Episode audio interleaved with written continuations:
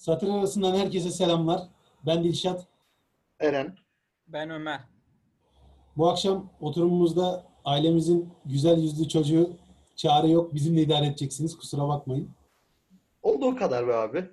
Yani bu beşinci oturumumuzda Schopenhauer'in Okumak, Yazmak ve Yaşamak Üzerine adlı kitabını yorumlayacağız. Kısaca Schopenhauer hakkında bilgi vermek istiyorum sizlere.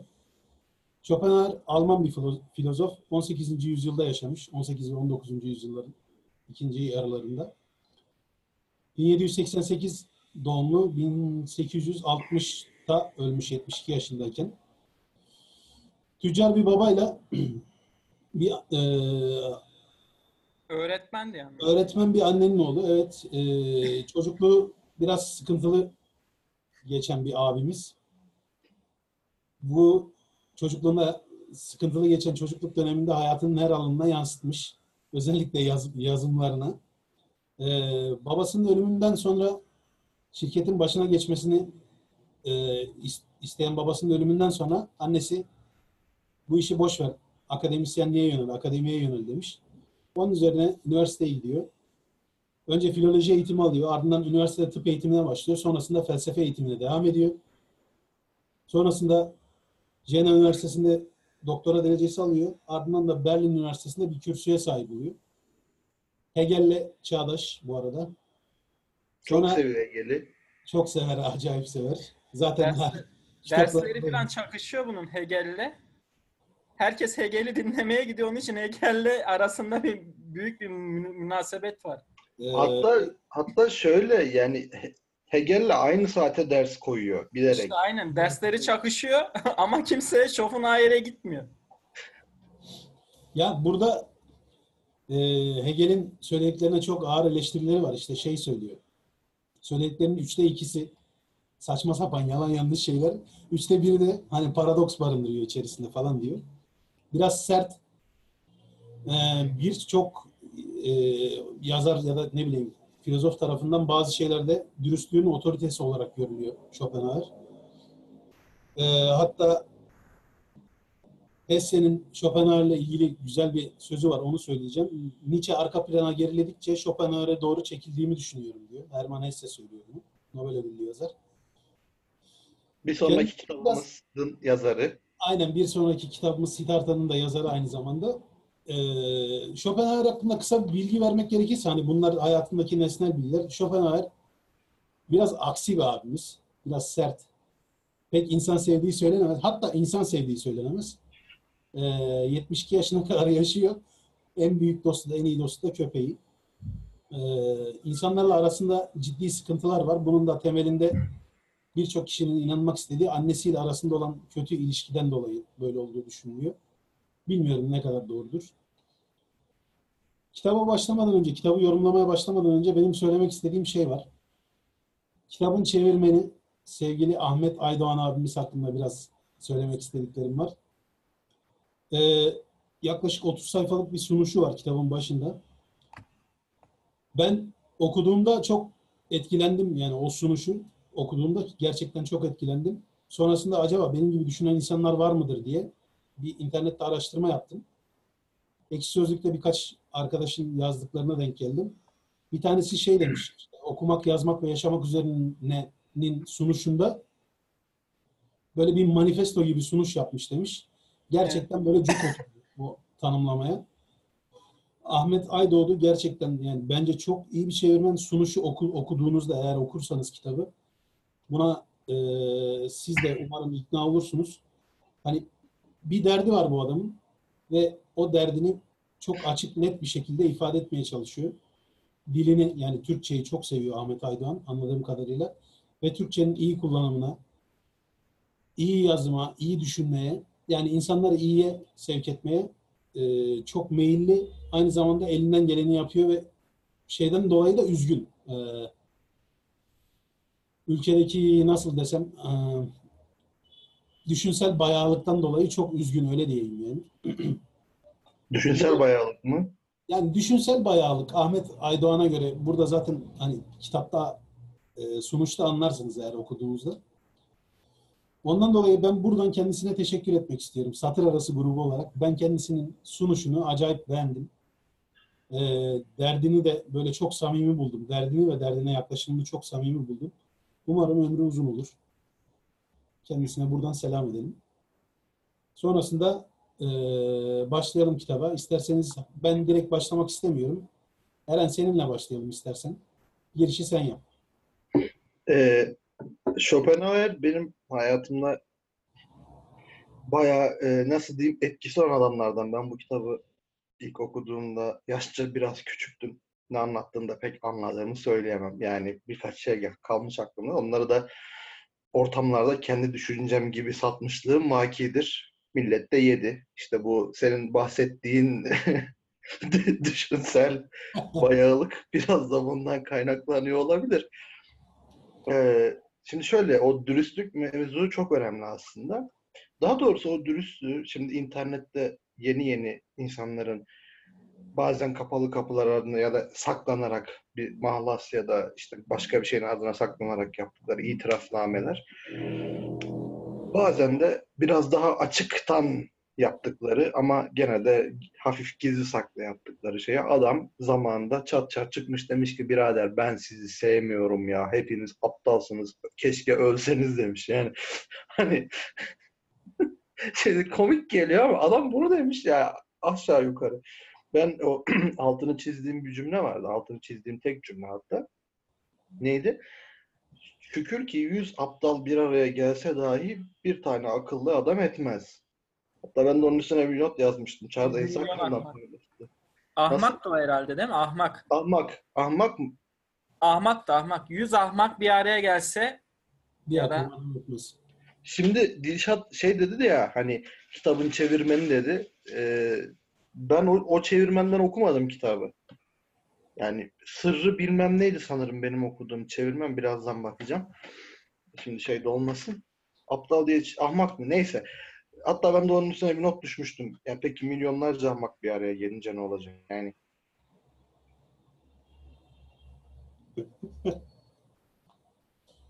Kaldığımız yerden devam ediyoruz. Teknik bir arıza oldu. Eren e, bir internet arızası yaşadı. Şu an galiba sabit. Sıkı- Sıkıntı yok. Devam edelim. Eren sendeyiz. Ee, Evet. Şimdi az önce dediğim hani insanları sevmemesi mevzu bir yana e, kendini de sevmiyor zaten. Herhangi bir anladığımız kadarıyla yaradan figürünü de sevmiyor.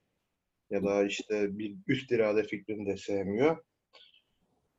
Benim yine belirtmek istediğim bir nokta var. Tıpkı geçen hafta olduğu gibi unutmayalım ki Schopenhauer de zengin.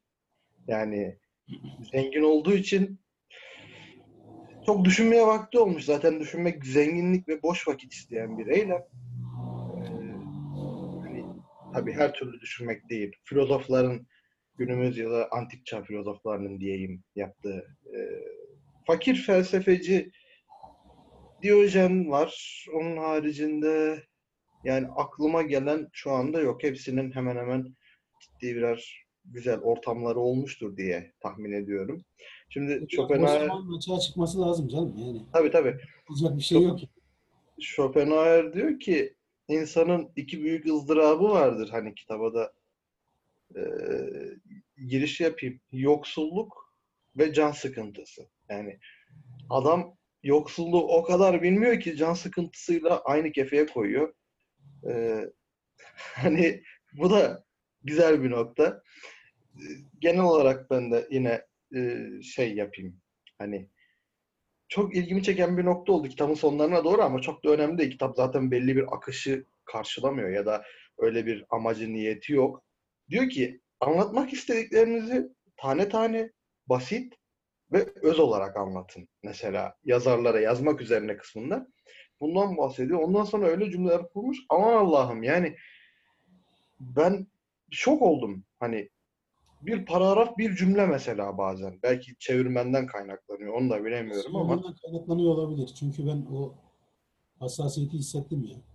Yani özellikle kitabın sonlarına doğru üslup üzerine yazdığı şeylerde bir şey anlatmak için kullanılan üslup üzerine gayet net akıcı tavırlar vardı yani. Ya ben yıllardır edebiyatla uğraşırım kendi çapımda. Hiç duymadığım, hiç görmediğim ki eski dili de yani Osmanlıca ya da eski Farsi kelimeleri, Arabi kelimeleri severim bilirsiniz daha çok. Ona rağmen hiç ilk defa karşılaştığım sözcükler var benim okuduğum çeviride. Biraz o da enteresan geldi bana. Neyse diyeceğim eee Schopenhauer sağ olsun. Zamanında onun fikirlerini çalmışlığım çok. Onu da tekrar edeyim kayıtta. Problemlerde kaybolmuş olmasın ortamlarda. Şu an, şu an yani seni bir yerlerden duyuyorsa şayet çok memnun olmuştur bu duruma. Vay Eren işine yaradı falan diye böyle. He, kardeşim benim falan demiş olabilir. Yani Yani neyse daha detaylı konuşuruz da. mevzu Schopenhauer'in istediği şekilde daha nasıl bayağılaştırıldı, bayağılaştırılırdı merak ediyorum Eren. Ama Gerçekten şimdi bir dakika. Bu burada burada ufak bir itirazım var. Şimdi adam kendisi de insanlara zaten bayağı varlıklar olarak yaklaşıyor. Biraz önce söylediklerine biraz muhalefet edeceğim. Yani aslında Tabii. senin konuşmanın bitmesini bekliyordum da. Schopenhauer'in aslında sıradan insanla derdi yok bence. Asıl derdi olan e, kesim yarım aydın diyebileceğimiz işte kendine yazar payesi yapıştırmış ya da yakıştırmış bir şekilde veya birileri tarafından yakıştırılmış ama kendi yani Schopenhauer'in kendi idealize ettiği dünyadaki o yazar payesine sahip olmayan tiplere çok gıcığı var. Yani bu sadece yazarlıkta da değil. Ne bileyim filozof veya ne bileyim bilim adamı olabilir. Schopenhauer'in derdi aslında biraz da şeyle. Yani ıı, biraz mürekkep yalamış yarım aydın diyebileceğimiz tarzdaki adamlarla. Sıkıntıları bunlarla. Yoksa bayağı sıradan insanla zaten derdi yok. Zaten kuvvetle muhtemel onlarla herhangi bir iletişime falan da geçmiyor. Eğer sokağa çıkmayı tercih etmezse o gün. Yani çok umurunda değil sıradan insanlar. Ee, derdi dediğim gibi yarım aydınlarla. Ömer'in bu arada söylemek istedikleri var galiba. Sanırım Ömer'de de bazı sıkıntılar var. Ömer şu an yandan yazıyor diyor ki üst katta matkap çal. Evet. Ömer Evet. sen, sen bir süre susacaksın o zaman. Yapacak bir şey yok. Ömer- Sen. Satır arasının en nasıl, yer- nasıl bir yerde yaşıyorsun sen? Üst katta niye bu saatte matkap çalışır? Saat 21.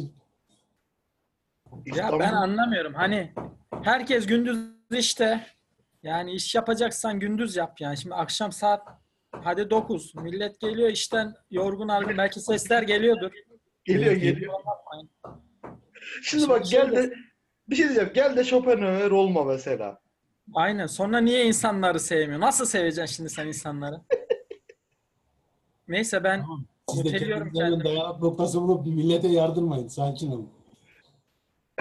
Eren senin söylediğine öyle muhalefet edeceğim. Yani Schopenhauer'in bayağı insanla, sıradan insanla zaten çok fazla bir derdinin olmadığını düşünüyorum. Çünkü onu kale alacak kadar bile düşünmüyor adam. Umurunda değil yani. O sıradan insan umurunda değil.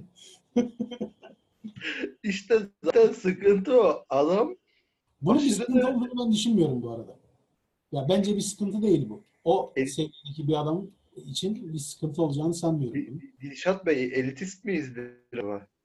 Yani elitist değilim de e, Evet. adamın konusu değil bayağı insan, sıradan insan. Çok da konusu değil yani. Çok Hayır ama konusu kitap bir dakika kitabın başlığı yaşamak diye başlıyor. Tamam. O işte kimin yaşamı mesela hemen sorulur o soru anladın mı? Kimin yaşaması? Bayağı İyi sıradan insan mı? Şimdi Schopenhauer'in yaşaması için sıradan fırıncılar ekmek yapıyor yani şimdi. Şimdi o- bak bu bu şey Pomatlı, po- pomatlı bıyıklarına değ- değdirerek yediği ekmekleri sıradan fırıncılar yapıyor yani şimdi. Yahu elbette sıradan fırıncılar yapıyor da Schopenhauer'in orada bir şeyler vermeye çalıştığı insan ya okumak, yazmak ve yaşamak üzerine dediği kitapta veya diğer kitaplarında belirli bir seviyenin üzerine çıkmış insanlara ya da o kitabı alıp alıp özümseyebileceğini düşündüğü insanlara yazıyor aslında. Çok da bayağı sıradan insanla derdi olduğunu düşünmüyorum yani. Umurunda olduğunu da düşünmüyorum. Bilmiyorum. Ya ben şunu gördüm. Şimdi e, hafiften biraz araştırdım.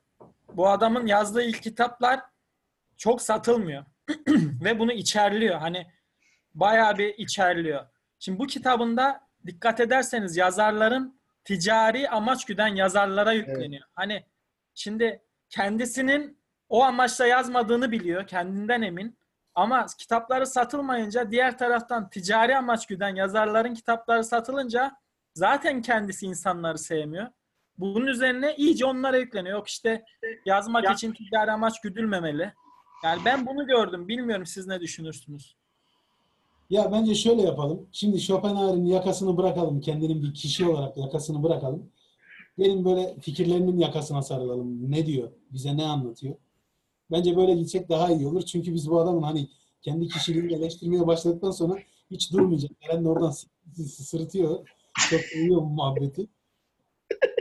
Ben bu arada ıstırap ve can sıkıntısı üzerine diye bir girişle başlıyor kitap. Evet. Burada diyor ki insan mutluluğunun iki temel düşmanı vardır. Bir tanesi ıstırap, diğeri can sıkıntısı. Birisinden kurtulmak biri bizi diyor diğerine biraz yaklaştırır.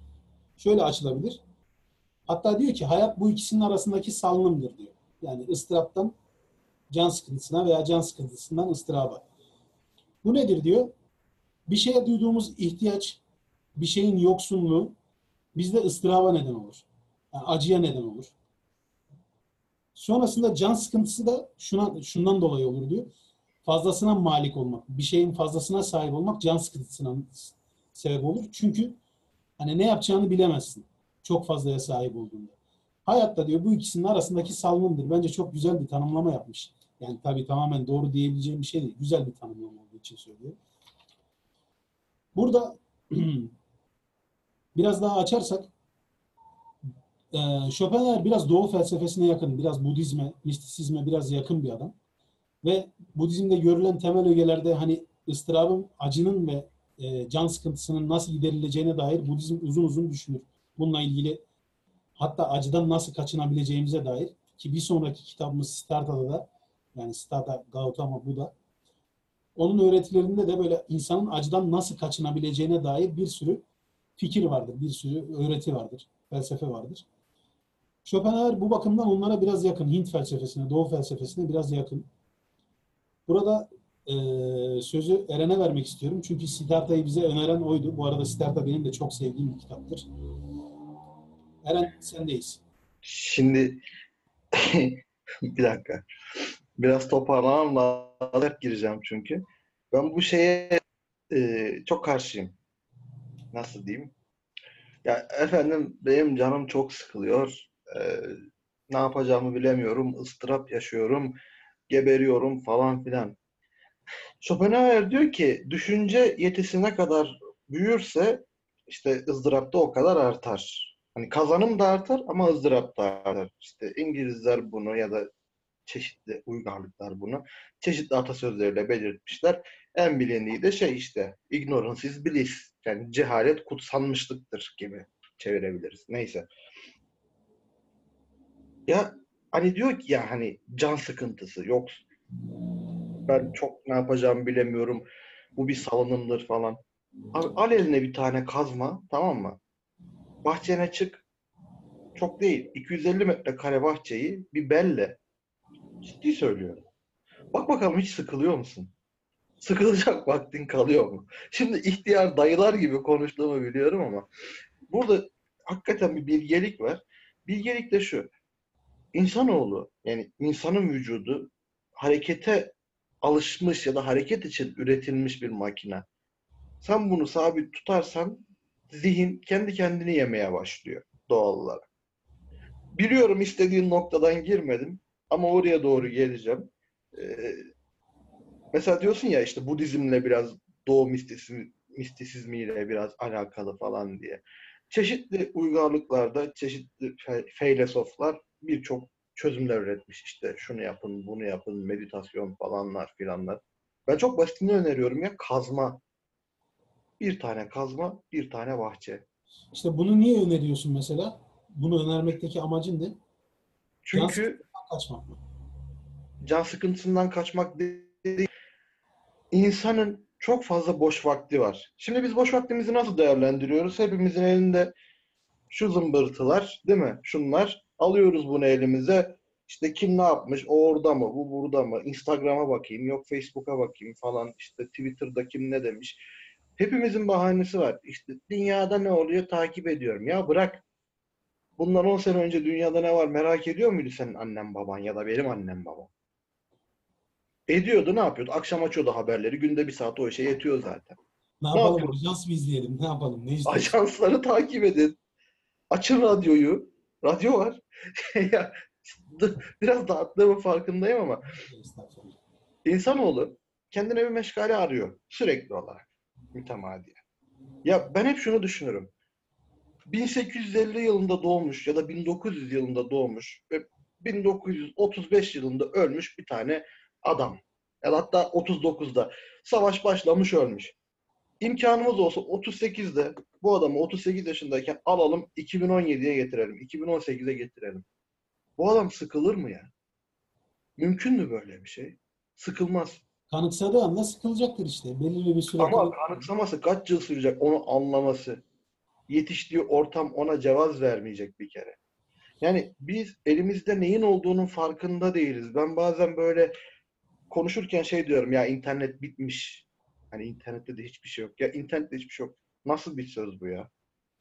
Yani internet hani eskiden biz ana britanikaları açıp açıp meraklı okuyan çocuklardık. Üçümüz de öyleydik. Yani burada aramızda olmayan arkadaşlarımız da öyleydi. Bildiğim için, tanıdığım için söylüyorum. Şimdi bazen Wikipedia'dan bir başlık açsak bile ki açamıyoruz. Onu da bir parantez içinde söyleyeyim. Onu diyecektim. Açamıyoruz. Açamıyoruz. Ee, ama olur ya açabiliyor olduğumuz zamanlarda bile çoğumuzun zul geliyor yani. "Öf, bunu mu okuyacağım falan. Neden? Çünkü artık çok kolay. Ama Evet. şey ya Eren, şimdi? Schopenhauer'ın bu can sıkıntısından kastı tam olarak boş vaktimin çok olmasından öte ben artık ulaşabileceğim bütün haza ulaştım. Bütün işte maddi ve manevi güce ulaştıktan sonraki kısım. Hani arada boş vaktim var, canım sıkılıyor gibi değil. Mesela ızdırapta da şöyle söylüyor. Diyor ki bir insan ulaşmak istediği mevkiye ya da makama ya da işte maddi manevi güce ulaşana kadar çalışmak zorunda ve bu ona ızdırap verir. Hatta ızdırabın bittiği noktada can sıkıntısı başlar diyor. Ulaştığı Yani- anda. Adamın aslında söylemek istediği can sıkıntısı hani bizim gündelik hayatımızdaki boş vaktimizdeki sıkıntı değil. Adam bir nevi orada e, yapabileceğim her şeyi yaptım artık. Düşünce olarak, maddi olarak, manevi olarak ve bundan sonrası yok. Hani taptan sonraki sıkıntıdan bahsediyor. İşte ben de burada şu noktada itiraz ediyorum. Geçen oturumda da bunun muhabbeti geçmişti. Çocukluğundan beri tüm nesiller bir şeye odaklı yetiştirildiği için bu ortaya çıkıyor. Bu düzlemde dediği doğru olabilir ama çocukluğundan beri bir birey mutlu olmaya odaklı yetişseydi mesela o olmayacaktı. Mutlu olmaya odaklı yetişmek dediğim şöyle hani canın ne istiyorsa onu yap da değil ya da böyle bir hayalin var onu takip et. Evet o hayalini sürekli geliştir. Ona odaklı da kalma. Sürekli önüne yeni bir şeyler koy. Kendin için, başkaları için değil. Şimdi diyorsun yani bir adam atıyorum bir kamu kurumunda genel müdür olmak istiyor. Çalıştı, çabaladı, uğraştı, oldu. Sonra adamın ama hayali şu olsaydı ben şuraya genel müdür olursam bu kurumu böyle böyle böyle noktalara getireceğim. Bak hayatta devam ediyor. Ondan sonra diyecek ki emekli olup bir bağ evine yerleşeceğim. Devam ediyor. Süre, süre giderlik yani sürenlik önemli bu konuda. Ama adam neye odaklı? Ben zengin olacağım. E zengin oldu sonra ya adama loto çıkıyor, sirozdan ölüyor. Yani böyle bir saçmalık olabilir mi? Adamın hayali yok. O kadar çok içiyor ki sirozdan ölüyor yani. Aslında Schopenhauer'ın söylediği, Ömer'in söylediğiyle biraz bağdaşıyor. Ee, Schopenhauer senin söylediklerine de aslında çok güzel cevaplar veriyor Er- Eren. Şey diyor, can sıkıntısı ve ızdırabın üzerinden şöyle gelinebilir. Eğer dışsal bir nedene bağlıysan, yani bir şeyin yoksunluğundan dolayı ıstırap çekiyorsan veya çok fazla sahip olduğundan dolayı can sıkıntısı yaşıyorsan, bunlar diyor senin kendi kendine yetmediğinin göstergesidir. Schopenhauer'in üst düzey insan tanımlamasında şu yatıyor. İnsan akli melekeleriyle, zihninde oluşturduğu imgelerle kendine yetebilecek bir yaratık olmalıdır. Yani e, zihni ve bedeni ayrı ayrı değerlendirirsek insan diyor kendi zihninde kendini mutlu edecek hani zihni faaliyetler, düşünce faaliyetleri bulmalıdır. Atıyorum doğaya baktığımda onu tanımlamaya çalışmak, işte doğayı anlamaya çalışmak, işte evrenin hani tabi olduğu fizik yasalarını kavramaya çalışmak insana diyor derin haz verir. İnsan bu tip şeyleri atıyorum düşünce mesela kendi kendine düşünmek çok üzerinde durduğu temel konulardan birisi. Hatta okumadan daha önemli olduğunu söylüyor ki bence de öyle tefekkür etmek, kendi kendine derin derin düşünmek bu melekelere sahip olmadığın zaman sürekli can sıkıntısı ve ızdırap arasında gider gelirsin. Yani hep o işte hayat dediğinde o salınım olur diyor. Yani aslında senin söylediğin tam olarak bence burada şeyi karşılamıyor. Schopenhauer'in söylediğini karşılamıyor. Schopenhauer'in söylediği çok başka bir durum. Çok daha üst bir perdeden bakıyor duruma, mevzuya. Bizimkisi yani senin yaptığın yorum daha bizim gibi gündelik sıradan adamlara yapılan bir yorum gibi kalıyor. Yoksa biraz önce de belirttiğim gibi bence Schopenhauer'in bizle derdi yok. Derdi yani konusu değiliz biz adamın. Adamın konusu başka yani. Hani daha üst mertebedeki ya da daha üst zihni faaliyetlerdeki insana biraz e, tavsiyelerde bulunuyor. Öyle diyeyim. Buradan şeye devam etmek istiyorum. Burada yalnızlıkla ilgili Schopenhauer'in söylediği çok güzel şeyler var. Ee, kalabalığa katılmak, eğlenmek ve diğer insanlarla iletişimde olmak size değersiz olduğunuzu düşündürür mü diye not almışım. Çünkü Schopenhauer'e göre bunlar şeydir, hani bayağılığın göstergeleri. Genel geçeri takip etmek, ana akımı takip etmek, insanların kendini sürüklediği yöne gitmek, ee, insanın bayağılaştığının göstergesi.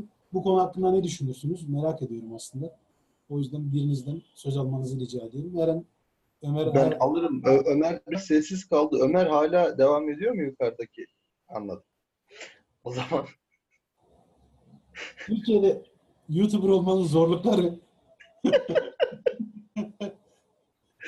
Adamın üst katında şu an saat 21.34 bizi dinleyenler olacaktır.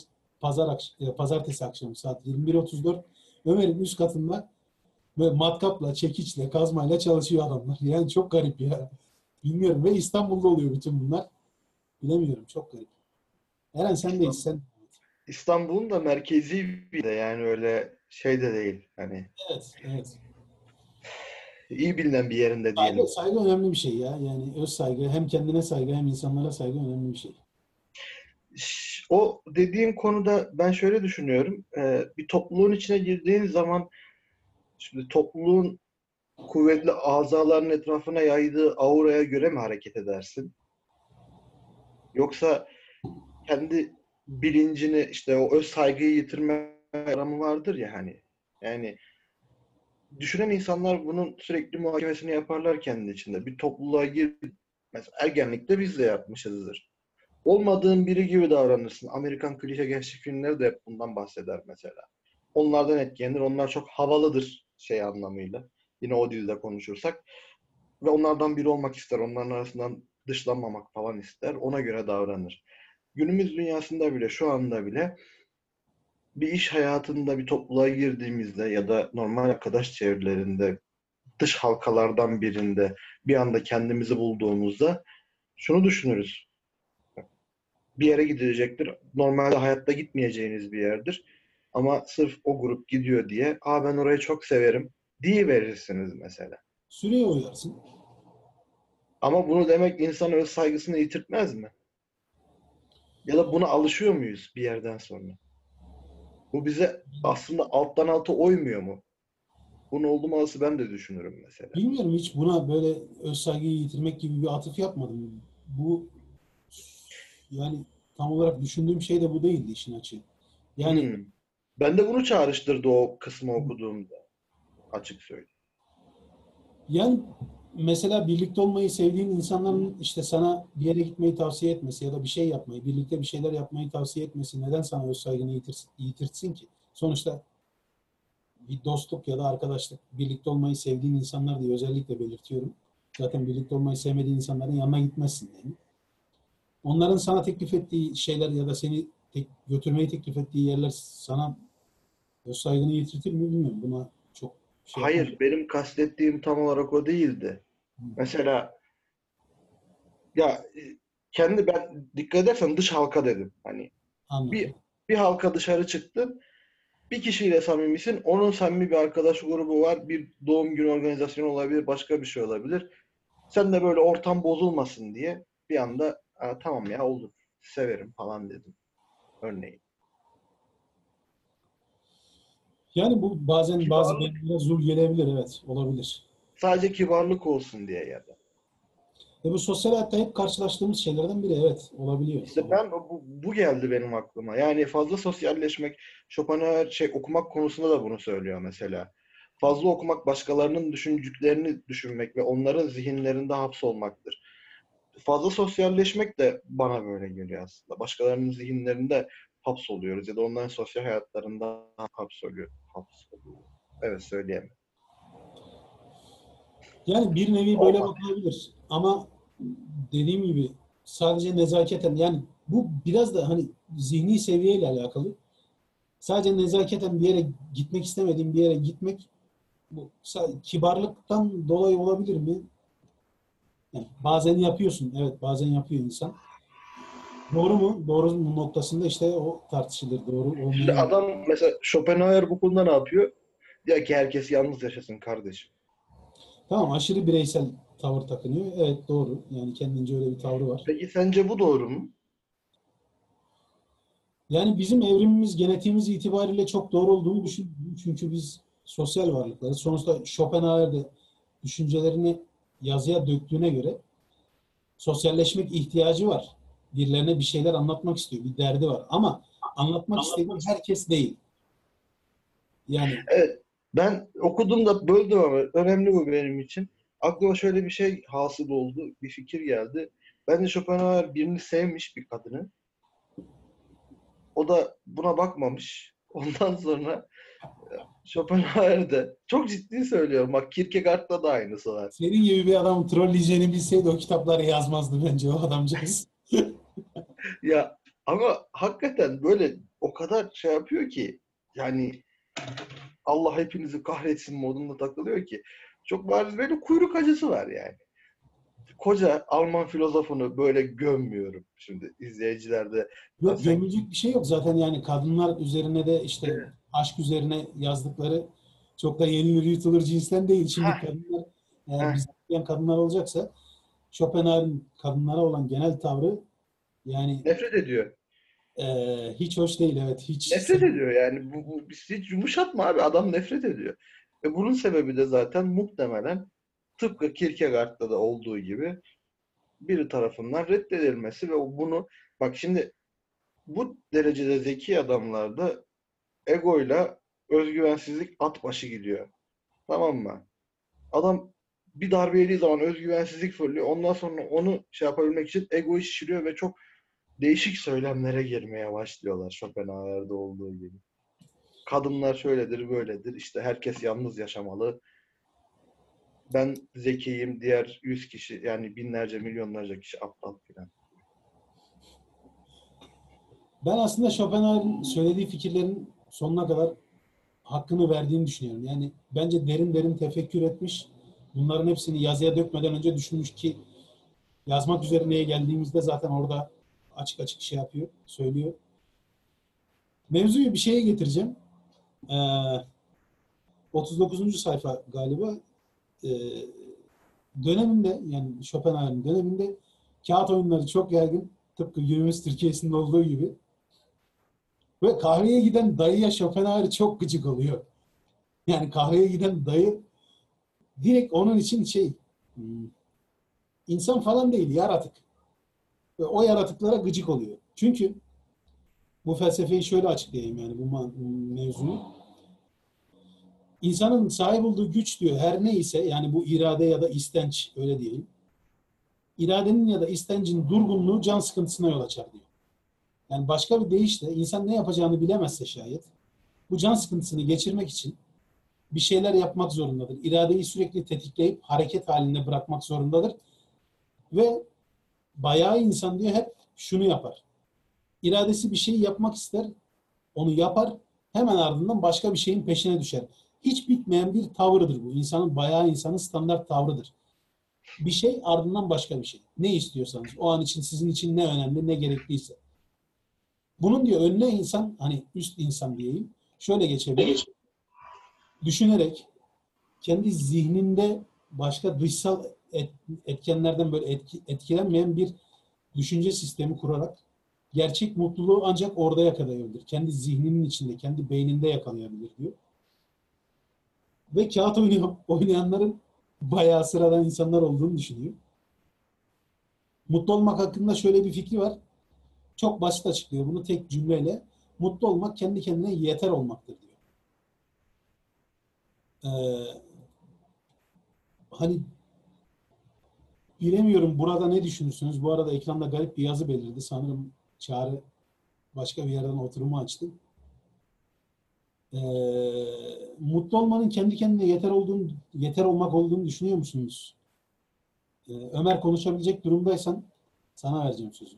Ya şöyle e, hani arada ses gelirse kusura bakmayın. E, mutlu olmak kendi kendine yeter olmaktan kastı önemli aslında orada. Şimdi bu hani kitabında ve kendi düşüncelerinde olduğu gibi herkes hani herkes tek, bireysel, sosyalleşmeye gerek yok. Üzerine kurulu bir kendi kendine yeterlikse bence yanlış. Niye? Hani günümüz çağına için konuşuyorum. Ya dediğin gibi biz sosyal varlıklarız. E şimdi kendi kendime mutlu olabilirim. Ama ömrüm boyunca nereye kadar? Hani illaki birilerine ihtiyacım olacak. Ha eğer bu söylediği şey mutluluğa ulaşmak için önce kendi kendine yeterlilikse Schopenhauer'ın söylediği ve sonrasında yanındaki ya çevresindeki insanlarla birliktelikse bu mantıklı. Çünkü insan önce kendi kendine yeter olmadan çevresiyle de mutlu olamaz. Şimdi oradaki şeyi, oradaki çizgi önemli. Ama sürekli tek başına kendi kendine yeterlik oldun ve mutlu oldun de, diyorsa bence bu yanlış. Bana göre. Ama mutluluğun dediğim gibi amacı önce kendi kendine mutlu olup ve sonra çevrenle birlikte bunu ilerletmekse bu mantıklı. Çünkü insan önce mutlu olmadan çevresiyle de mutlu olamaz. Bence. Ben çok çevreyi düşündüğünü sanmıyorum burada. Direkt kendince mutluluktan bahsediyor. Ya işte o da aynen. Schopenhauer'ın kendi düşüncelerinde çevreyi düşündüğünü ben de sanmıyorum. Onun için bence yanlış. Tek başına insan kendi kendine yetse de mutlu olacağını düşünmüyorum. Olur ama bu bir periyot, uzun bir periyot olmaz. Ya bir şey soracağım. Allah aşkına kendi kendine mutlu olan bir adam şu kitabı yazar mı ya? Yazar Bana bunun cevabını Allah aşkına. Belki insanları aşağılamak adamın hoşuna gidiyordur. Neden yazmasın? Allah Allah. Yazar. Hayır abi mutluluk değil. Böyle mutluluk olmaz olsun ya. Ya tamam Haydi gibi kırlarda koştursun da demiyorum da adam nefret saçıyor yani. Aynen. Ben Hiç nefret mutlu- saçtığını hiç düşünmedim ya. Yani gayet e, şey bence muhtemelen yani tabii bu bence yorum. Yani kaldırıp sorsan Hacı sen insanlardan hani çok mu nefret ediyorsun? Sıradan insan benim konum değil der ya. Bu adamın derdi yok o adamlarla. Onun için yoklar zaten. Yok hükmündeler yani o adamlar. Ya Nefret- derdi yok, derdi yok ama her e, satır arasında burada bir ironi oldu. Her satır arasında da sıradan insanlara giydiriyor dayı. Ya arada sırada evet biraz azarlıyor ama genel itibariyle Biraz Yani- mı? Kahvede az önce dediğimiz gibi kahvede kağıt oynayan dayıya da giydiriyor. Misal. Hani bence adamın sıkıntısı genel olarak yani ilk başta da söyledik. Bu adam insanları sevmiyor. Ha bunun altında ne vardır bilmiyoruz. Ama bu adam insanları gayet net sevmiyor. Kendini de sevmiyor çünkü. Hani kitapta siz de görmüşsünüzdür. Okuyan arkadaşlar da görecek. Kitabın her bir bölümünde kendisiyle çelişiyor. Yani Evet. önce bir şeyi savunuyor. Ondan sonra onun üzerine o öyle olmaz, böyle olmaz. Yani adam bence sıkıntısı insanlardan öte kendisiyle. Kendisini sevmiyor adam. Bir garip. Ya bir, bir, bir ufacık bir şey okumak istiyorum. Ee, dünya sefalet ve ıstırapla doludur. Ve eğer bir insan bunlardan yakasını kurtarırsa bilsin ki can sıkıntısı her köşe başında pusuda beklenir. Hatta daha da fazlası genellikle galip gelen kötülüktür. Gürültü ve şamatayla sesini en fazla duyuran, duyuran budalalıktır. Talih insafsız ve acımasızdır ve insanlık acınacak durumdadır. karamsar, karamsar olmadığını söylemedik. Karamsar değil abi. Adam çok mutsuz. Okudukça içim yani kıyıldı. Çok realist ya. Ben çok realist olduğunu düşünüyorum. Bence çok gerçekçi bir adam. Yok adam realist. Ama Realist Bu vatandaşın. realist mutsuz ve mutsuz. Yani yoksa realist. Adam mutsuzluğunu yazıya dökmüş zaten. Ben mutsuzum arkadaş diyor. Ha ama işte sonra da oturmuş mutluluğun sırrını vermiş. Bunu yapma yani. De ki İşte ben sizin gibi düşünmüyorum burada. Benim söylediğim şey şu. Bu adam mutsuzluğunu yazmıyor burada. Bu adam kendi reel düşüncelerini yazıyor. Ne ne düşünüyorsa mevzuyla ilgili buraya ben duygu kattığını ya da duygu karıştırdığını çok düşünmüyorum. Diyor ki kardeşim dünya zaten keşmekeş bir yer. Berbat bir yer. Ve diyor acı var burada, ıstırap var, can sıkıntısı var, yoksulluk var. Bunların hepsi burada zaten hani buranın e, nasıl diyeyim gerçekleri. Bu gerçekler arasında ancak ve ancak mutluluğu kendi zihni süreçlerinizde bulursunuz. Adamın derdi bu bence. Ben sizin gibi bakmıyorum olaya çok. bir şey diyeyim mi? Bence argümanın kuvvetli değil şundan dolayı değil. Eğer insanları bu kadar umursamıyor olsaydı gidip Hegel'le aynı saate ders koyup insanların onun dersine gelmesini beklemezdi. Evet. Yani şimdi üniversitede Patladın. Burada bu, bu- burada patladın kabul et.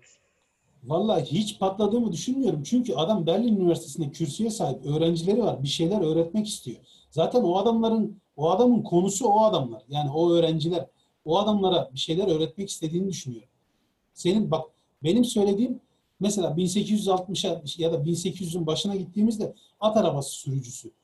O adam onun derdi değil. Yani e, Schopenhauer'in derdi at arabası sürücüsü değil. Veya bakkal, kasap, manav çırağı değil. Üniversitedeki adam tabii ki bunun derdi. O adama öğretiyor. Zaten Berlin Üniversitesi'nde bu adamın kendi kürsüsü var. Bu demek oluyor ki o adamlara bir şey anlatmak istiyor. Zaten o adamlar onun konusu. Yani o öğrenciler onun konusu. Peki niye Hegel'le şey yapıyor? Kendini mukayese etmeye çalışıyor. Hegel'le kendisini mukayese etmesi şundan kaynaklanıyor. Diyor ki kardeşim bu adam üç tane şey söylüyor. Bunun iki tanesi saçmalık.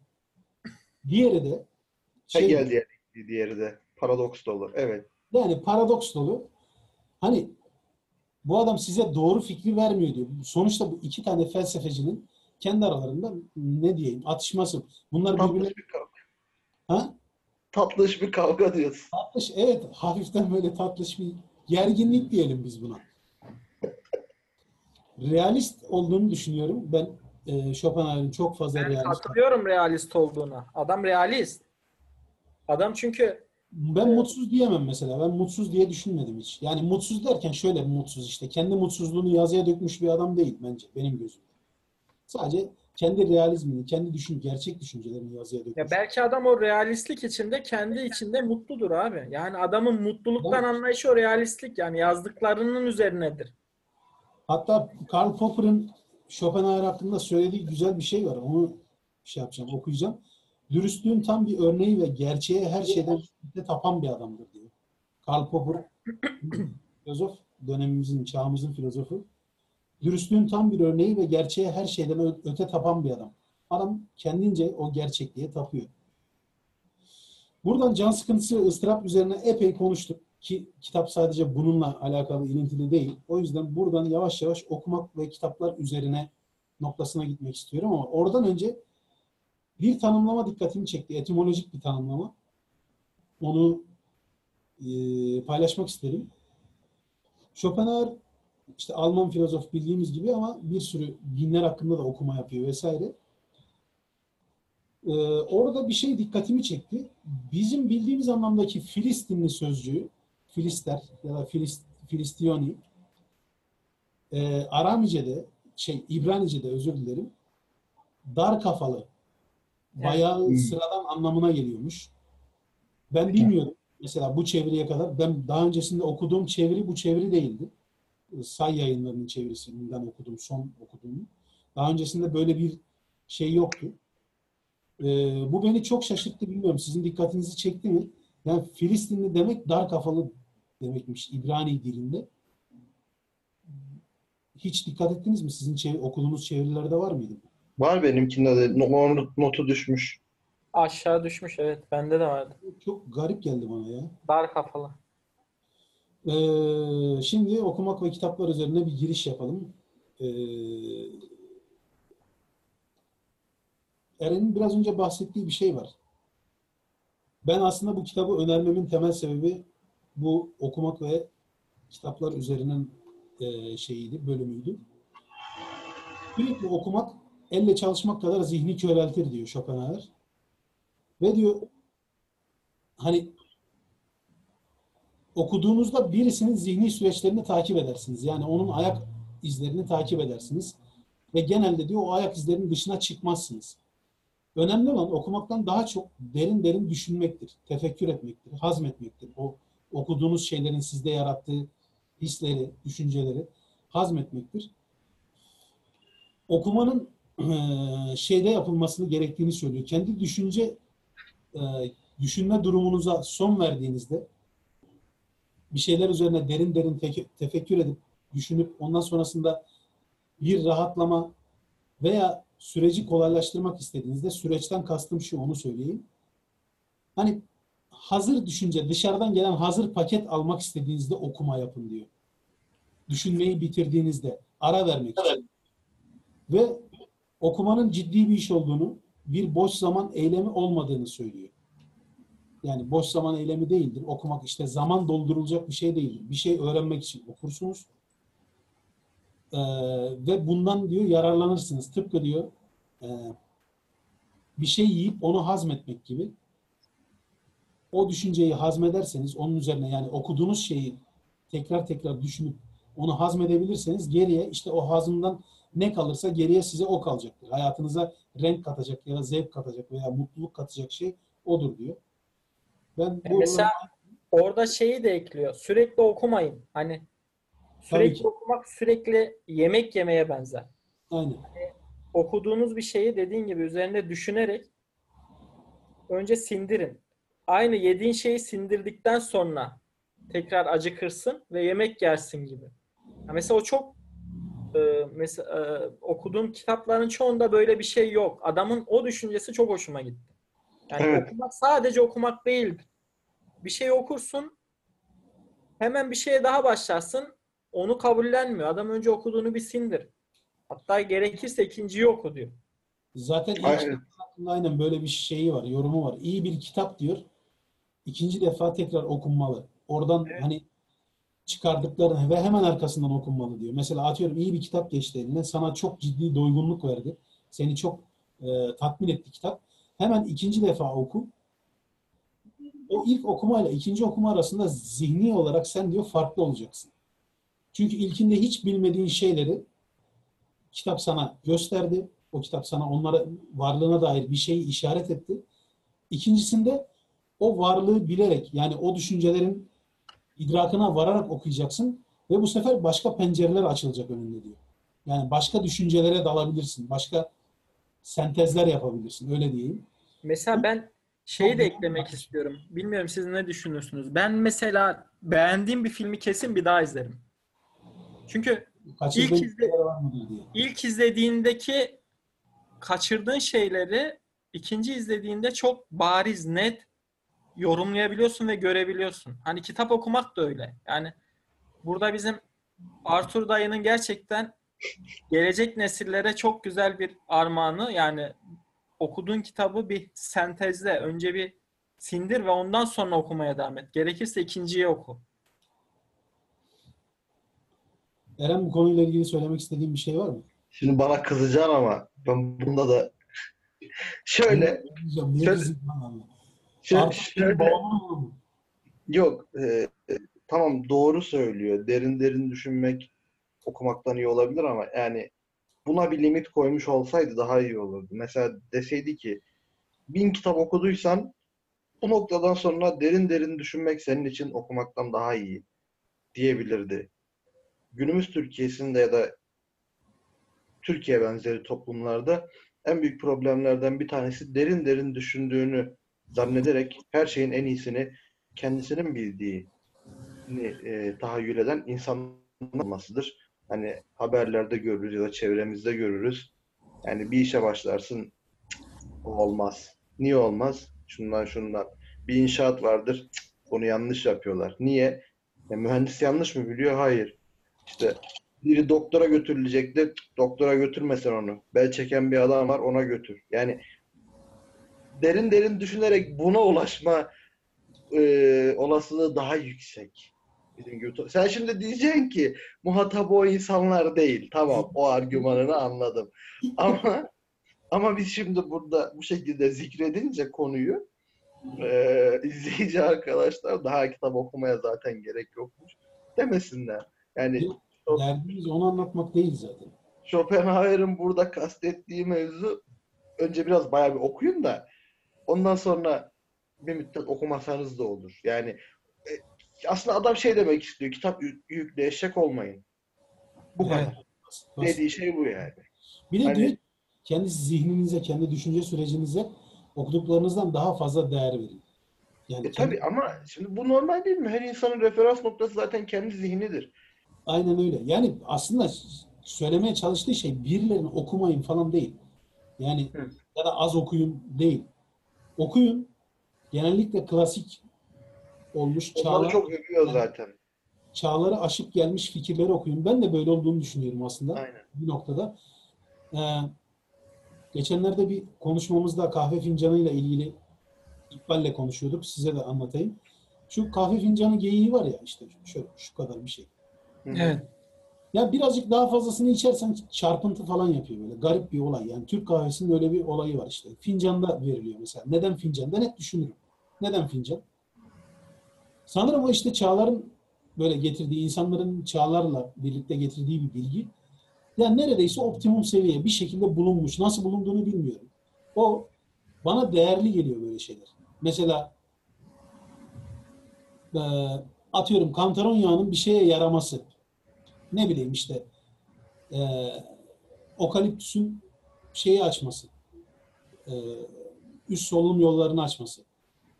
Bu insanların çoğu tabi burada amacım koca karı ilacı falan övgülemek ya da işte tecrübe e, anlamsız tecrübeleri övgülemek değil.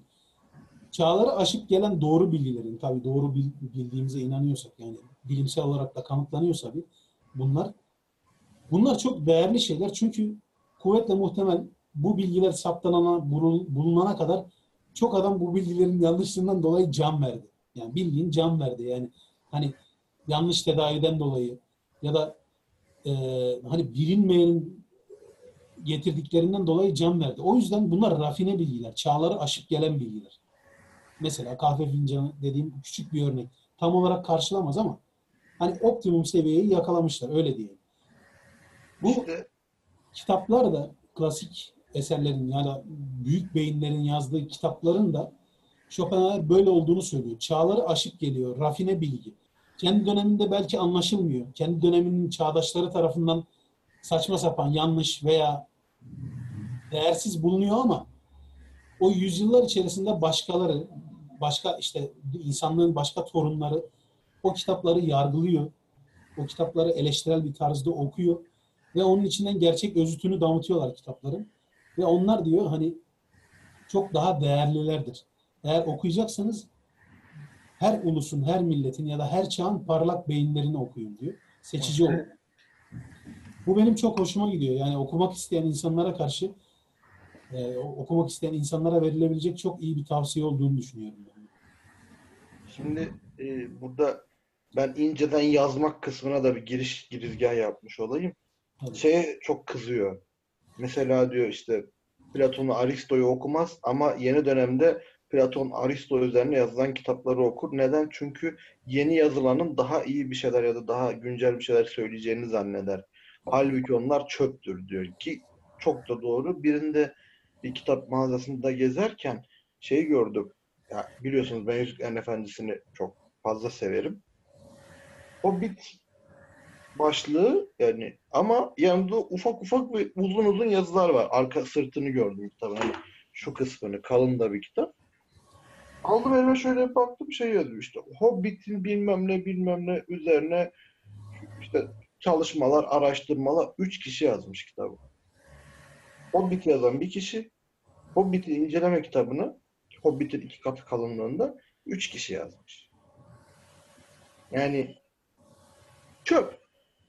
Hani tabii bunu yapan mutlaka bir emek harcamıştır, şudur budur ama Schopenhauer'in de dediği gibi kimse bunun ticari kaygılar güdülmeden yazıldığına inandıramaz yani sağlam bir okuru.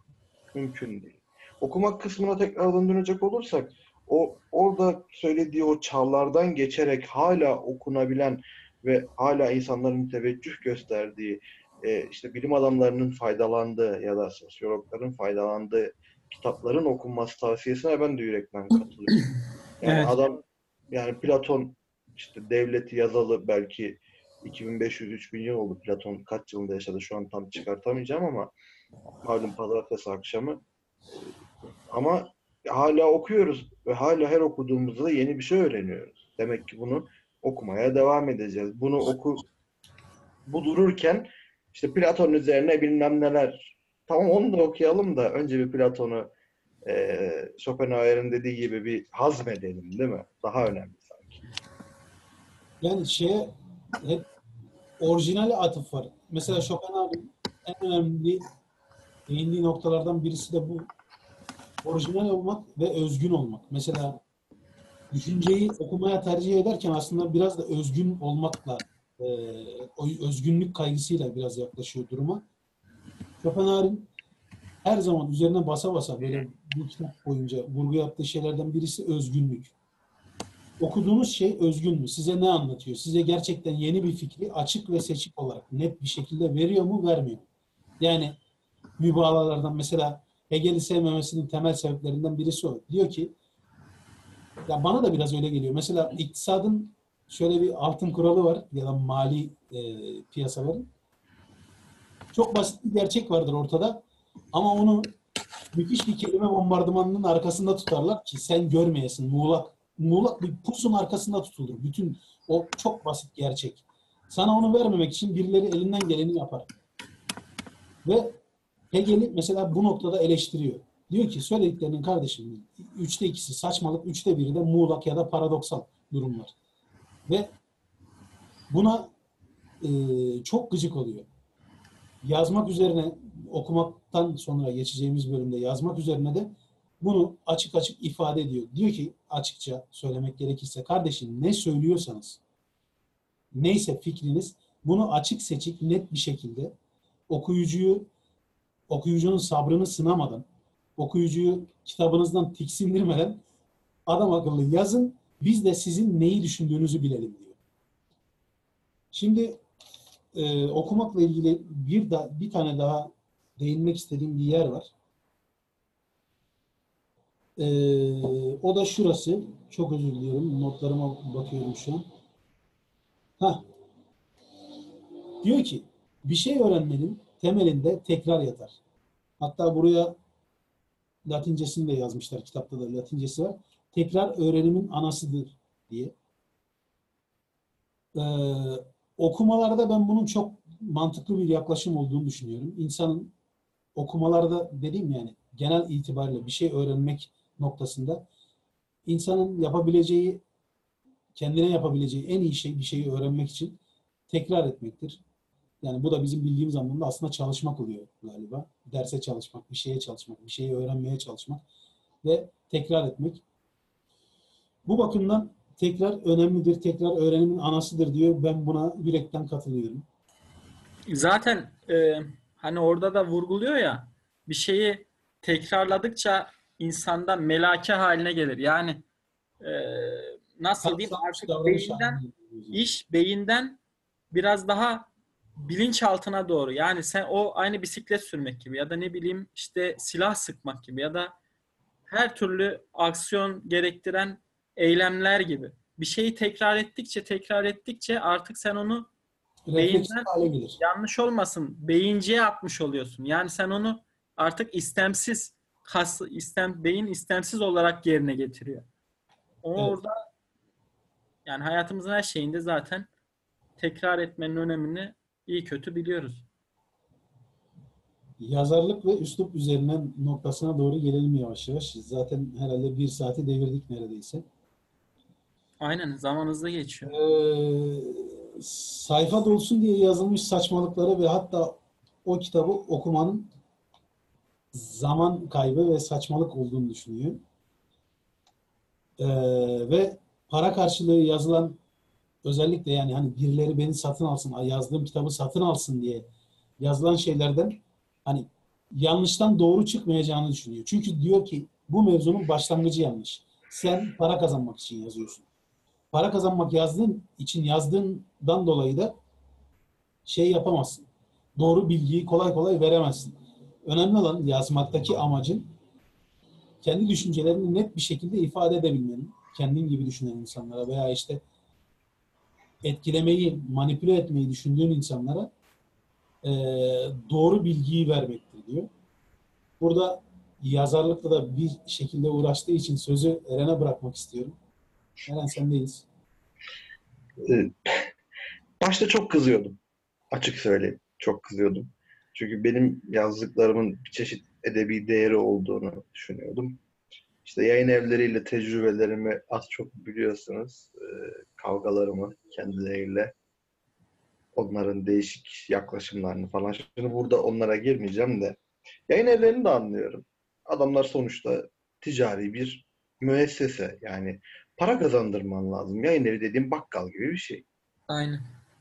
Yani bir mal alacak, onu aldığı fiyattan daha pahalıya satabilmesi lazım nihayetinde.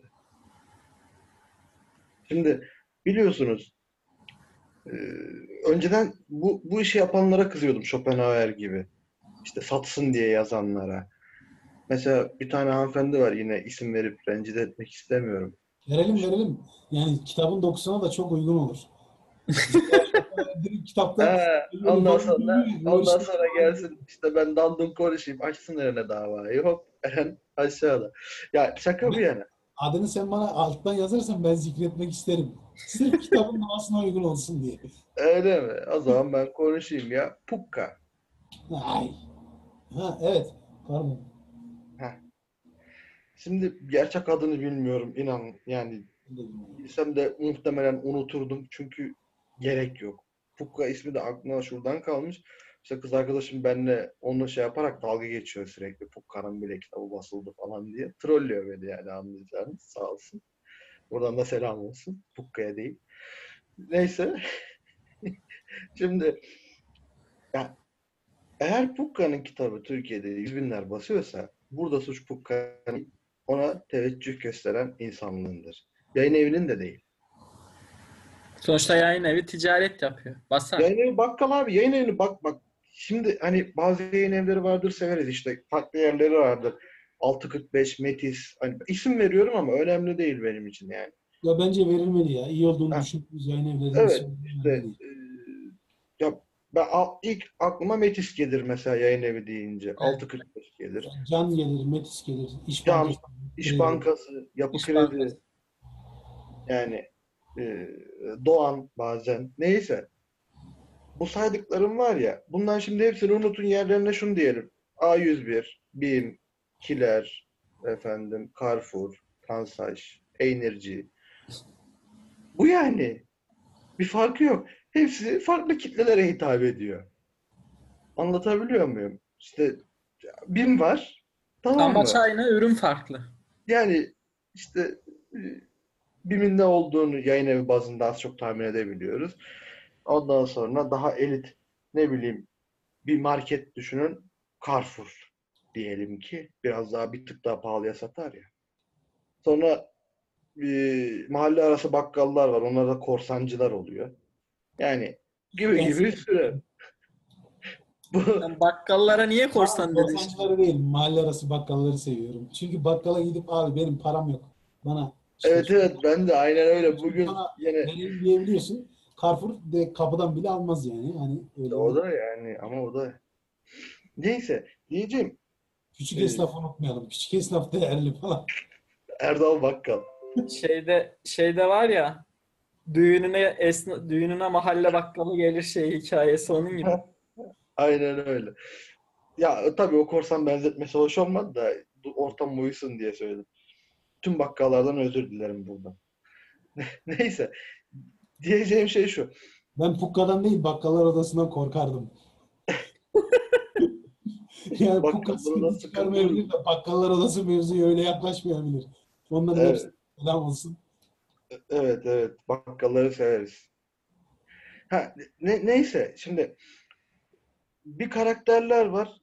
İşte mesela ya neydi o? Ne filmi de yaptılar ya bir tane kadın yazdı. Şu erotik bir Green Elton mu? Ha, Yaşa. O. Ya şimdi abi ben, Allah var açıp bakmadım. Eskiden olsa sırf merakımdan açıp böyle şeyde işte kitapçılarda bir iki satır okuyordum. Ona bile bakmaya yüreğim el vermedi. Ve kitapçılarda öyle kitaplar görüyorum ki aşkın bilmem ne yolları falan böyle. Abi siz ne yapıyorsunuz ya? Demiyorum artık. İnsanlara Ya, bir tane bestseller gönderdim size. DNR'da satılıyor. DNR'ı gör yani size WhatsApp'tan fotoğrafını atmıştım. Kitabın adını hatırlıyorum. El Vedud diye bir tane kitap. Bir tane abla yazmış. Tövbe estağfurullah kimdir bilmiyorum da Tuğçe miydi neydi öyle adı galiba. 19 veya 20 liraya satılıyor. Bence çok büyük para o kitap için. Onu söyleyeyim yani. Yani dedim ki acaba bu kitap neden bestseller'dır? Gideyim de bir bakayım hani acaba ne ne anlatıyor abla? Abla hiçbir şey anlatmıyor. Hiçbir şey. İşte evrene enerji veriyoruz. Evren bize geri veriyor. İşte Allah'a dua ediyoruz. Allah bize iyilikleri gönderiyor vesaire. Ulan onu camide de yapıyoruz. Camide de Allah'a dua ediyoruz. İşte Allah bize iyilikleri gönderiyor. Yani sen ne söylüyorsun bana? Yeni ne anlatıyorsun? De, olayın 20, hiçbir 20 şey. liram ne işe yaradı değil mi? 20 Sen benim yani. 20'yi mi çarptın? İşte aklıma o geliyor yani. Abla sen ne yaptın? Arada benim 20'yi mi hacıladın?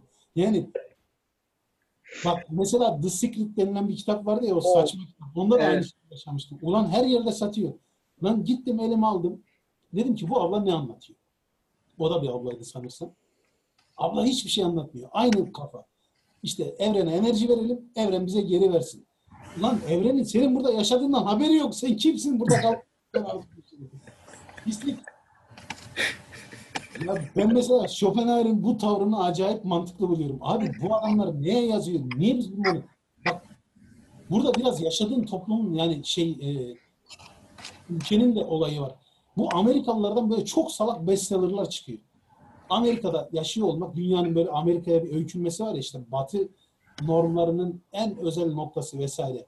Genelde halbuki iyi düşünen insanlar aşağılar bu durumu. Yani Avrupa'nın Avrupa'da genelde böyle saçmalıklar açığa çıkmıyor. Ama Amerika'dan böyle bestseller bir şey geliyorsa işte New York Times bestseller falan diyorsa abi ben diyorum ki ulan bir sıkıntı olabilir. Şöyle bir sakince bir yaklaşmak lazım buna. Doğru düzgün bakmak lazım. Anlamıyorum yani. Biraz da lafını böldüm Eren kusura bakma. Direkt araya.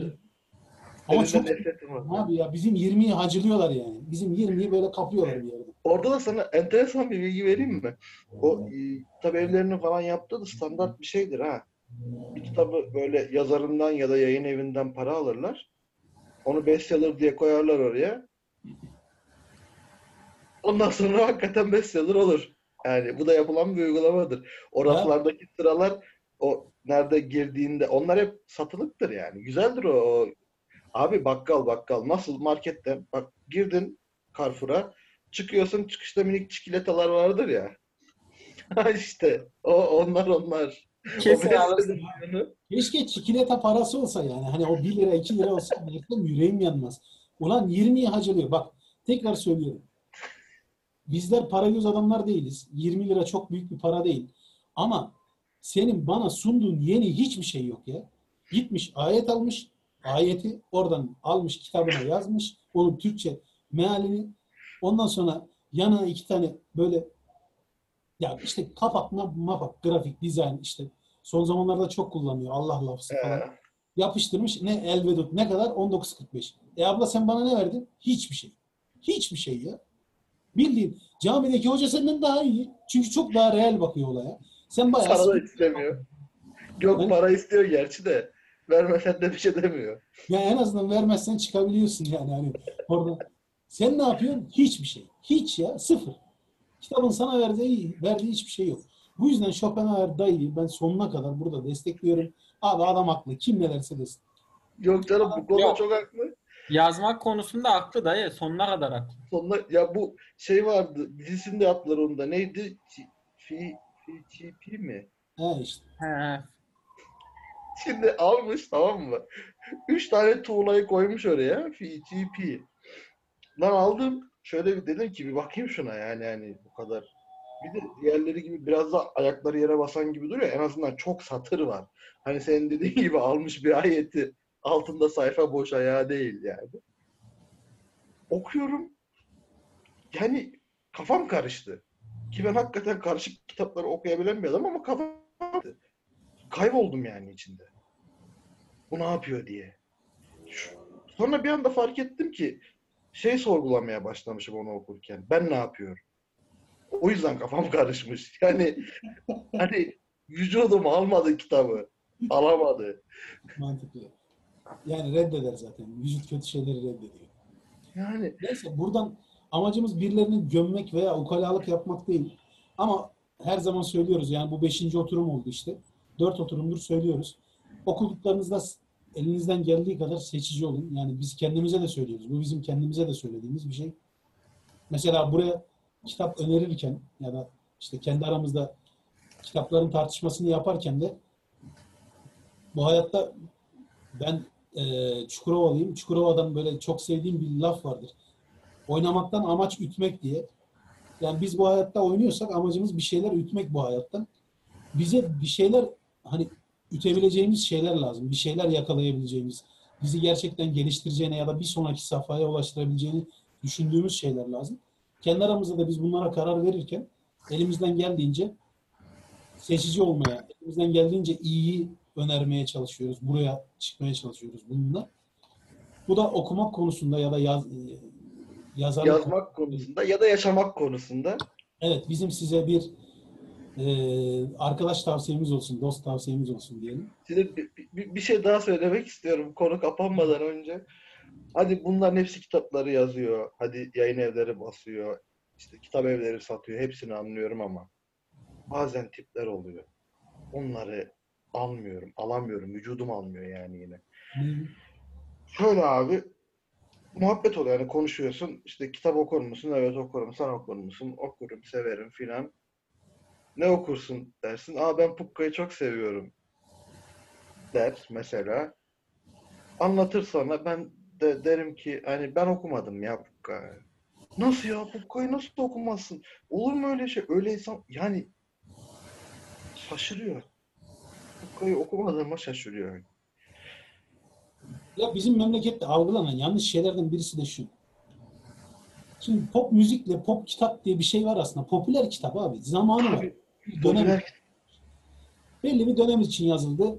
Abla yazıyor onu. Ondan sonra pat sürüyor piyasaya. Bir şekilde güzel bir reklam hani böyle PR çalışmasıyla da tak parayı cuk kalıyor. Bitiyor. E, o kitap ne oldu? Bitti işte. Tarihin tozlu sayfalarına gömüldü. Sana vereceği hiç yok o kitabın. Sana işte çerez aldın yani eline. Çerezi yedin. Bitti gitti bu kadar. An- anlık bir keyif verdi bitti. Aynen. O- Çerez demek de bu arada yanlış benzetme oldu. O kitap çerez değil mesela. Çerez bile değil. O kitap marul. Hiçbir şeye yaramaz işte. Yersin marulu tamam işte bitti. kadar. Anladın mı? Yani çerezin hani tohumu Hayır. Bence marula da marula da şey yapıyorum biraz gelme. Yani bence Marul da işe yarar. marulun çok gömdün yani. marul diyelim. Ma- ma- Marul yani işte çiğ köfte gelmedi henüz masaya. Sen böyle marulu koydular. Sen onu yedin. Çiğ köfteyi bekliyorsun. Öyle düşün yani. Hani şey değil. Çerez değil. Bir çerezin besleyici bir tarafı var. Tohum Biri çağrıyı çağırabilirmiş o ya. Bu ne seviyesizlik? Çiğ köfte falan. Marul. Acıktı herhalde. Yani hiçbir anlamı yok. Tüketilecek hani çerezden kastım tüketmeye, hızlı tüketmeye dair bir şey söylemek istedim. Hiç çerez bile değil. Pukka işte. Yani öyle alır geçersin. Neyse artık yavaş yavaş bitirelim. Yavaş yavaş kitabın sonuna doğru da geldik zaten. Ee, yaşamak üzerine dediğimiz bölümde e, Arthur abimizin bize bazı güzel tavsiyeleri var. Ee, bu tavsiyelerden hani hepsini veremeyeceğiz. Zaten yani bir de bu arada küçük bir açıklama da yapmak istiyorum. Arkadaşlar kitabı istediğimiz şekilde tam olarak yorumlayamıyoruz. Çünkü zaman kısıtı oluyor. Yani bunu izlenilebilir tutmak için birazcık zamana da e, dikkat etmemiz gerekiyor. Hatta şu an tahmin ediyorum ki bir saati geçtik. Hatta bir saat on- 15-20 dakika falan oldu. Takdir ederseniz izlemiyorsunuz bu kadar uzun süreler olunca. Yani ben olsam ben de izlemeyebilirim. Ee, Ama pukka versek okursunuz yani. bu da Eren'in size eleştirisi. Eren'de yapıyorum. Küçük bir Arthur var içinde ama Evet o yüzden sevmedim zaten. Onu da sevmiyorum. kitabın sonuna geldiğimizde e, benim çok hoşuma giden şeylerden birisi şuydu. Pardon. Heh. Fikri olarak hani en sonunda fikri olarak kendi kendine düşünmek, tefekkür etmek yine defalarca değindim buna. Tekrar değineceğim. Çünkü, çünkü Arthur abimiz de kendi kitabının sonunda değiniyor yani buna. İnsan için özel. Beyler telefonlarınızda iyi misiniz? Yok ben Ben de şeye bakıyordum. Kitabın son sonuna. paragrafa bakıyorum sadece. Bunlar bile dinlemiyor. Görüyorsunuz değil mi? Lan yok. İşte bir buçuk saat bu kadar uzatmayacaksın. Yani yapalım? şeyine bakıyorum. Dediğin Bir yere haftaya, ha- haftaya Pukka'yı tartışalım mı? Ben Aa, Siddhartha'yı Pukka'yla değiştirmek musunuz istiyorum. bu kayı tartışmak olur tartışalım. Neyi tartışacağız ama çok kısa sürmesin. İşte herkes bir tür konuşur yani. Tabii Ben şu, şu- bir, bir şunu söyleyeceğim. Ee, konuyla ilgili olduğu söylüyordum az önce de sen telefon derken. Eğer bu dünya gerçekten düşünen insanlarla dolu olsaydı her türden gürültü bu denli evrensel biçimde tahammül görmezdi. Onun haddi zatında en korkunç ve en amaçsız biçimde görüldüğü gibi. Şimdi işte tüm dünya akıllı olsaydı ne bu yayın evleri bakkal olurdu, ne yayıncılar bakkal olurdu, ne de pukkalar yazar olurdu. Yani o- onu arıyordum şunu aldığımda. Bir telefon telefonum beni. falan bir derdimiz yok. Bizim derdimiz zaten tüm dünya değil. Kaldı ki tüm dünya bizim harcımız da değil. Bizlik bir şey yok. Biz O evet geri bastın. Beni kışkırt kışkırt sonra geri bas. Oldu. Yakalarım seni ama ben bir gün. Hayır, e, Pukka konusunda yani diğerleri konusunda sonuna kadar sana katılıyorum. Hatta fazlasıyla destek de verdiğimi düşünüyorum. Bir ara eli yükselttim yani ciddi ciddi. Evet. Çok kızgınım yani. Birilerinin beş para etmez şeyler için hani cebimden paramı çekip almasına veya bir başka birilerinin parasını çekip almasına karşıyım. Çünkü sonuçta elde ettiğiniz ne var o parayı verdikten sonra hani bir şeyin karşısında sıfır, hiçbir şey. O yüzden bu mevzuya çok karşıyım. Sonuna kadar da bu konuda destekçiyim yani. Diyor ki Arthur abimiz Düşünceler diyor size gelir ilham olur. Bir şekilde düşünceler yavaş yavaş gelir. Bir de diyor düşünceler böyle pat diye gelmez. Ha ben kapıyı çaldım geldim. İşte ne varsa hepsini bir anda vereyim diye gelmez. En alakasız zamanlarda da gelebilir. Yani hani bizim mantıkta yerleşmiş bir şey vardır ya. Anahtarı kaybettiysen aramayı bırak. Aramayı bıraktığında anahtar bir şekilde bulunur. Sana geri döner veya bulursun onu. Ama aramaya devam ettiğin sürece anahtarı bulamazsın düşüncelere de böyle yaklaşılması gerekiyor. İnsanın kendi kendini biraz rahat bırakması. Sonrasında parça parça geldiğinde ama e, diyor ki burada düşünce size ulaştığında onu diyor zapturapt altına almalısınız. Yani bu ne demek? Yazmak. Düşünceyi yazmalısınız.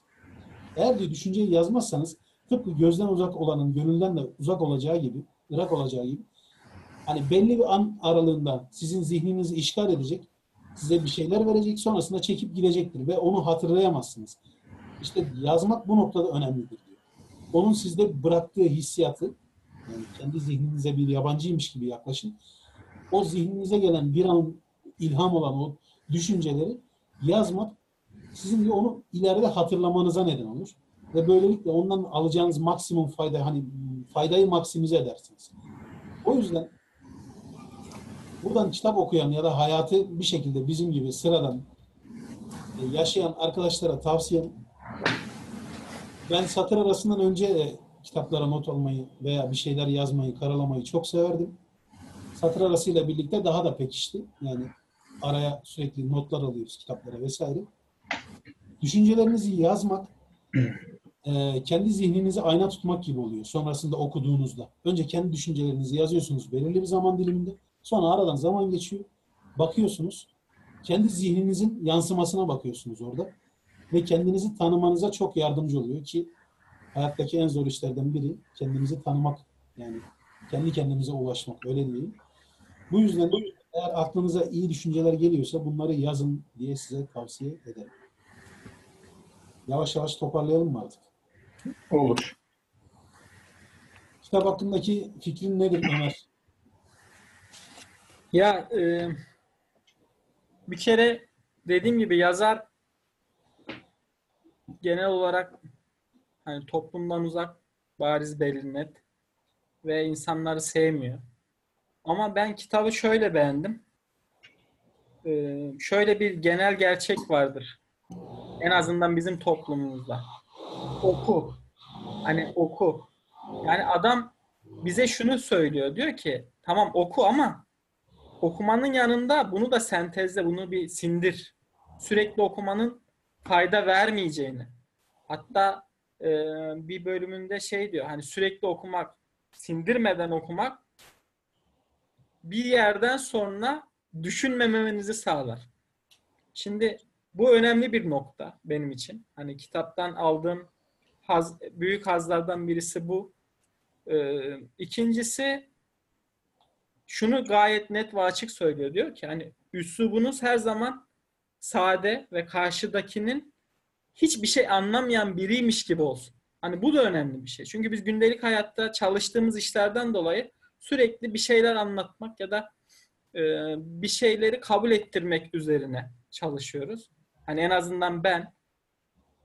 E şimdi eğer karşıdakini yorarsan bir şeyi kabul ettirirken adam bir sonrakinde seni dinlemeyecektir. Hani bu önemli. Sade üslup. Aldığım ikinci nokta. Ee, Üçüncü noktada da şunu çok beğendim. Ee, Yazar her kitabı işte okumayın. Elinize alın. Eren'in söylediği gibi işte ilk raftan aldığımda bir sayfayı okuduğumda anlıyorum.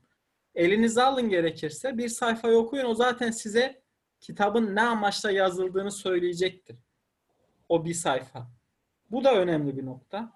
Ee, ben bizi dinleyen arkadaşlara kitabı şiddetle tavsiye ediyorum. Bu arada şöyle de bir şey söyleyeyim. Dürüst olmak lazım. Kitabın dili çok sade değil.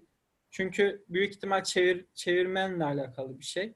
Ee, ve kitap böyle araya sıkıştırayım, bir şey okuyayım diye okunacak bir kitap değil. Yani düşünerek okumak gerekiyor. Ama okunulmasını şiddetle tavsiye ettiğim bir kitap. Yani iyi ki önerdin. Teşekkür ederim. İyi ki okudum. Hatta e, bir daha okumayı da düşünüyorum. E, söyleyeceklerim bu kadar. Bizi dinleyenlere de teşekkür ederim kendi adıma. Biz de sana teşekkür ederiz. Eren sendeyiz. Ee, Ben de kitabı beğendim. Özellikle yaz kısmını. Ee, okumak kısmında da katıldığım noktalar var. O bir bir yeri biraz açmak istiyorum. Eğer bir insan sürekli okumaya başlarsa ki günümüzde şöyle bir probleme yol açıyor bu. Partizanlık. Yani sadece kendi görüşünden olan şeyleri işte bir ne bileyim tarikat, bir parti, bir siyasi görüş fark etmez. Adam sadece onları okuyor ve bir yerden sonra sadece onları düşünebilmeye başlıyor. Yani kör partizan oluyor.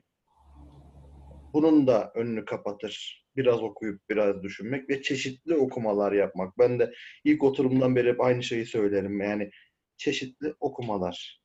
Her açıdan, her yönden bakacak şekilde okumalar yapmak çok önemli. Schopenhauer de bunu bir yerde destekliyor aslında.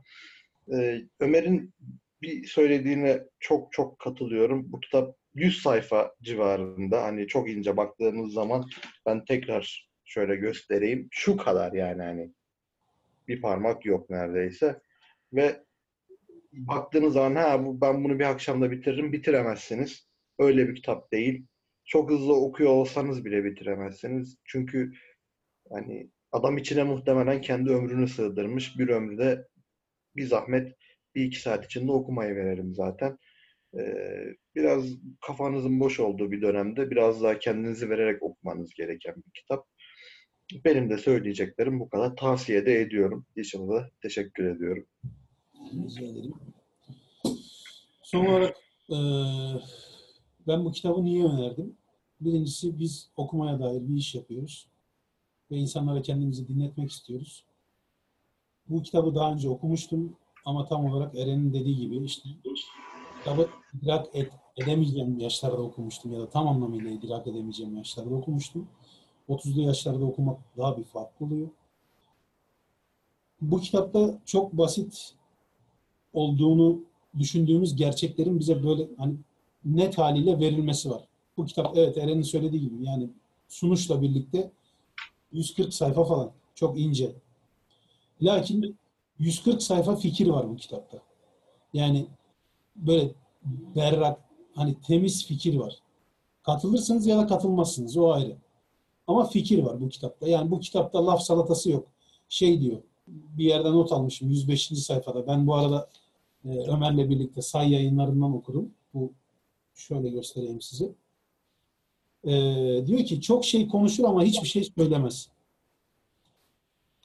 Bu bir yerde Schopenhauer'in bir eleştirisi olarak geliyor. Bu kitap öyle bir kitap değil. Çok şey konuşmaz ama çok şey söyler. Yani e, Az konuşur, öz konuşur. az ve öz konuşur. Çok rafine bilgiler var içerisinde. Bir de okumanın, yazmanın ve düşüncenin, düşünmenin, bakın özellikle burası benim için çok önemli, düşünmenin sistematiğini anlatıyor insana. Yani insan sistematik şekilde nasıl düşünür, nasıl eleştirel yaklaşır bir şeylere bunu anlatıyor. Ben bu kitabı zaten bu yüzden önermiştim. Her zaman söylüyoruz, ne, hep de bu oturumların sonlarına denk geliyor. Seçici okuma yapın. Hani hayatınızdaki her şeyde seçici olun. Biz de elimizden geldiğince olmaya çalışıyoruz. Tabii olamadığımız bir sürü nokta da var. Ama en azından okuma konusunda, düşünceler konusunda seçici olmaya çalışıyoruz. Ben birazcık seçkinliğin nasıl bir şey olduğuna dair bir fikir versin. Ee, bazı bizim hiç üzerine düşünmediğimiz sistematikleri bize öğretsin diye bu kitabı önerdim. Düşüncenin bir sistematiği var, okumanın bir sistematiği var ve yazmanın hani üslubun bir sistematiği var. Eren'le Ömer'in her ikisinde ortak olarak söylediği sürekli okumanın bu kitapta şöyle bir şey var, tabiri var. Diyor ki sürekli okuyan birisi at üzerinden hiç inmeyen bir binici gibidir. Bir süre sonra eğer diyor atın üzerinden hiç inmezseniz ayaklarınızı kullanmayı, adam akıllı kullanmayı unutursunuz. Ayaklarınızı kullanmak, kendi ayaklarınız işte düşünceleriniz. Eğer sürekli okursanız düşünme yeteneğinden yoksun bir hale gelirsiniz. Düşünemezsiniz. Çünkü sizin adınıza hep başkaları düşünüyordur. Ya da başkalarının düşüncelerini takip ediyorsunuzdur. Bunu e, yani bu söylediğimi kitapta bu yazanı dikkate alarak okumanızı tavsiye ediyorum. Arkadaşlarla güzel bir sohbet gerçekleştirdik. Hepinize bizi dinlediğiniz için şimdiden çok teşekkür ederim. Bir sonraki kitabımız 6. oturumda ee, yine bu hiçlik bir nevi hiçlik, acıdan kaçınma felsefesinin aslında başlangıç noktalarından birisi olan Siddhartha Gautama Buda'nın kurgusal anlamda bir çeşit hayatını anlatan Hermann Hesse'nin Siddhartha'sını okuyacağız. Umarım o oturumda da aramızda sizleri görebiliriz. Satır arası grubu olarak hepinize çok teşekkür ederiz. Bizi dinlediğiniz ve bize vakit ayırdığınız, değerli zamanınızı ayırdığınız için hepinize iyi akşamlar diliyoruz. İyi akşamlar. İyi akşamlar.